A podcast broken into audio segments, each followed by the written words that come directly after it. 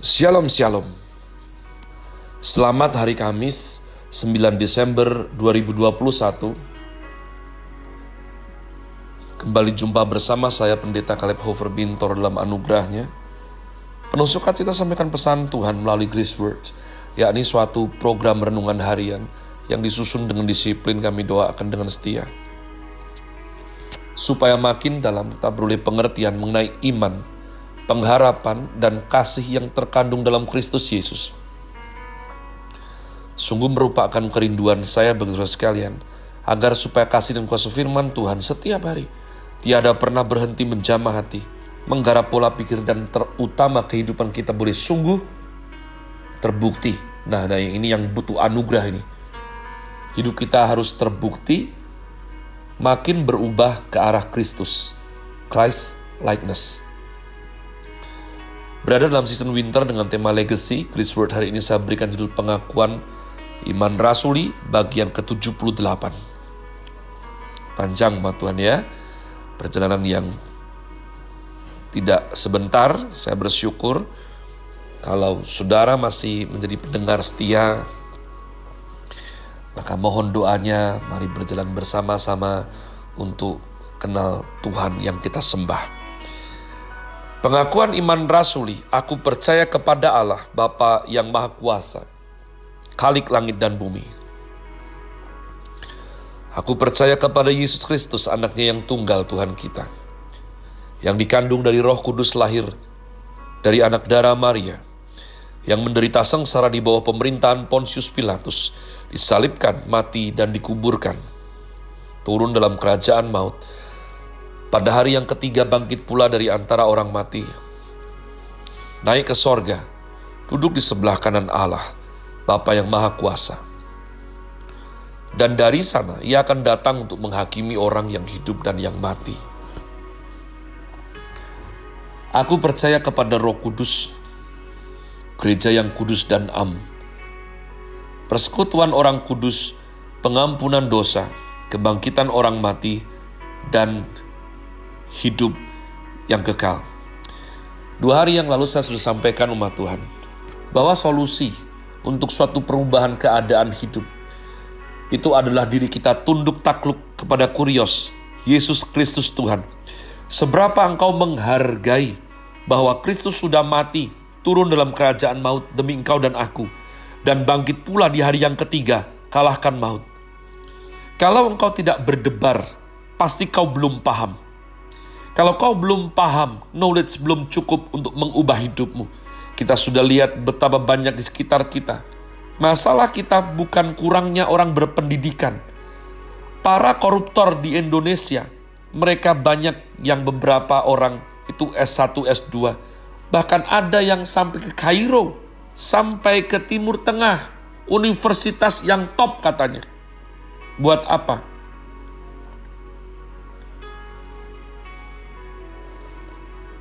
Untuk orang yang tidak mencintai kebenaran.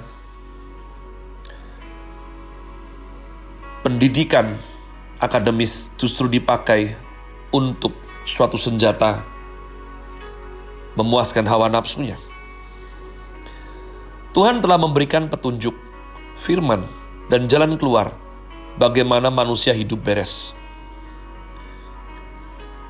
Tetapi para pengkhotbah pendeta tidak berani menegur dosa memberikan jalan keluar. Karena banyak oknum-oknum pendeta sendiri malas. Malas. Hidupnya tidak beres. Ma Tuhan saya belum bisa bilang hidup saya sangat beres, tapi saya berjuang tiap hari untuk beres. Namun ada satu yang saya berjuang ampun-ampunan. Kenapa? Saya tahu saya orang malas. Tapi saya tahu kemalasan itu mendatangkan kematian. Kemalasan itu mendatangkan kebinasaan.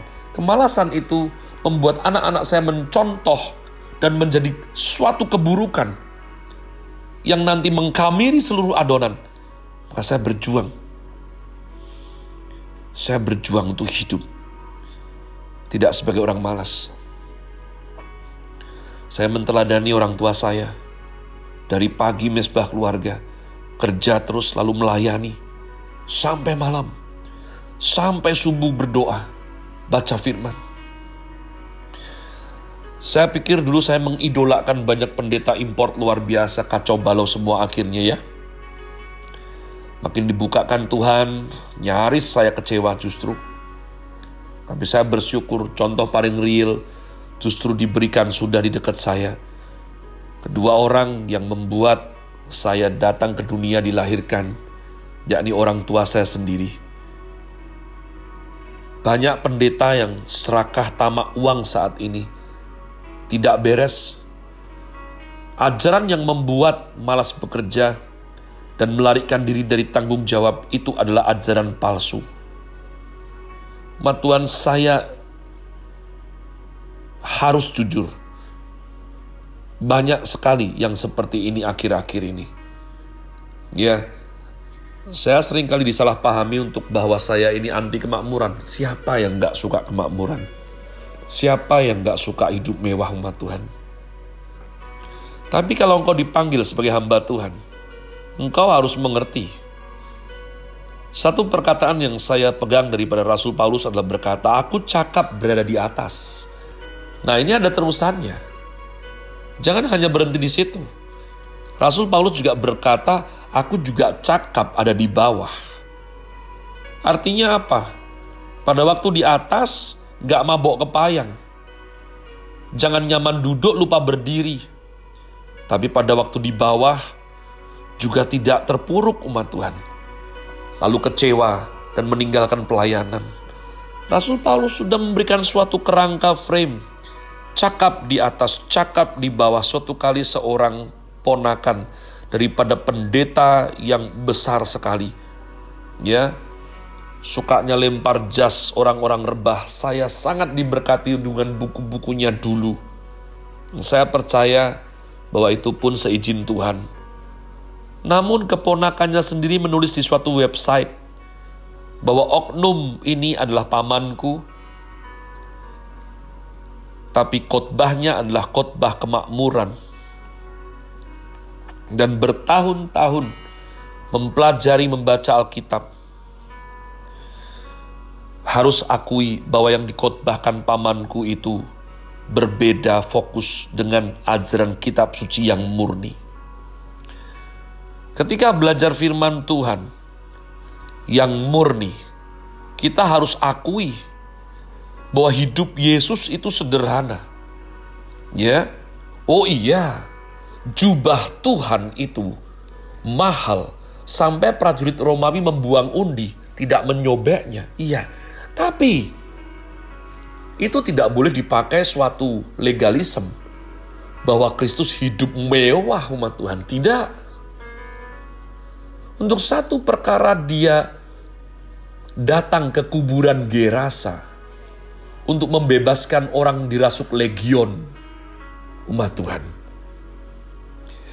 Itu tidak bisa dicuri dalam perjalanannya. Itu ada suatu jalan menanjak yang masuk lorong sekitar 500 meter harus tunduk. Saya pernah melayani di tempat miskin 1001 malam Bumi Moro di Surabaya. Di bawah jembatan layang. Itu ada jalan yang kita nggak bisa berdiri tegak. Harus nunduk umat Tuhan. Ya, setengah membungkuk gitu tetap berjalan. Kristus sederhana umat Tuhan. Ya saya percaya beliau punya taste yang bagus. Kita lihat anggur yang dibikinnya lebih bagus. Jubah pelayanannya bagus, tapi beliau sederhana. Hari-hari ini terlalu banyak hamba Tuhan yang luar biasa, bahkan mengkalahkan artis gaya hidupnya umat Tuhan. Saya senantiasa kalau berbicara seperti ini menilik hati sendiri supaya saya tidak hanya omong kosong. Makanya saya bersyukur ketika saya diberikan hati oleh Tuhan untuk punya anak angkat banyak. Punya anak rohani yang betul-betul saya, kami, kita perjuangkan. Ya, beberapa bilang bahwa kalau saya tidak terlalu banyak mengurusi anak-anak ini mungkin kami sudah di strata hidup yang jauh berbeda di atas. Tapi buat apa? Bukan itu titik berat kalau melihat kehidupan seorang Kristus Yesus di muka bumi. Tuhan Yesus begitu sederhana, bahkan tinggal di tengah kaum sederhana cenderung miskin. Seorang sederhana, bukan seorang yang boros, yang mewah. Ya, hanya maafkan saya, hanya seorang pendeta yang salah kaprah berani berkata jika percaya Yesus engkau pasti kaya raya. Saya dulu dengar seperti ini. Kalau ajari jemaat kaya raya, kita sendiri harus kaya raya dong. Bagaimana mungkin kita ajak mereka kaya kalau kita tidak kaya? Lalu ia akan membuktikan dirinya kaya lebih dahulu. Memakai uang persembahan jemaat, memakai janji iman untuk membeli pesawat terbang pribadi, memberi mobil bagus-bagus, diri sendiri harus terlihat makmur kaya. Untuk menipu bahwa percaya Tuhan bisa kaya seperti dia. Ma Tuhan, percayalah. Ini menimbulkan kemarahan di jiwa saya. Satu sisi, ada saat saya jujur. Saya suka hidup seperti itu. Tapi sayangnya, seperti kata C.S. Lewis, firman Tuhan itu. Kalau hidup di nuranimu, dia akan dobrak kamu kalau bikin salah. Dia akan paksa, dia akan koreksi kamu. Kristus berkata, burung mempunyai sarang, serigala punya liang, tapi anak manusia tidak punya tempat untuk meletakkan kepalanya. Alkitab mencatat Tuhan Yesus terlalu sibuk sampai tidak ada waktu untuk makan. Aduh umat Tuhan. Ya, jadi saya tidak menentang kalau ada Tuhan itu mengizinkan hambanya diberkati luar biasa. Tapi saya meyakini bahwa seluruh kemurahan Tuhan itu juga berarti kemurahan hati untuk kita mengulurkan tangan lebih banyak lagi menolong sesama. Bapak rohani saya misalnya, tak dipungkiri berkat Tuhan berlimpah dalam hidupnya, namun saya saksinya, beliau hidup begitu murah hati, menolong orang banyak. Have a nice day. Tuhan Yesus memberkati saudara sekalian. Sola. Grazie.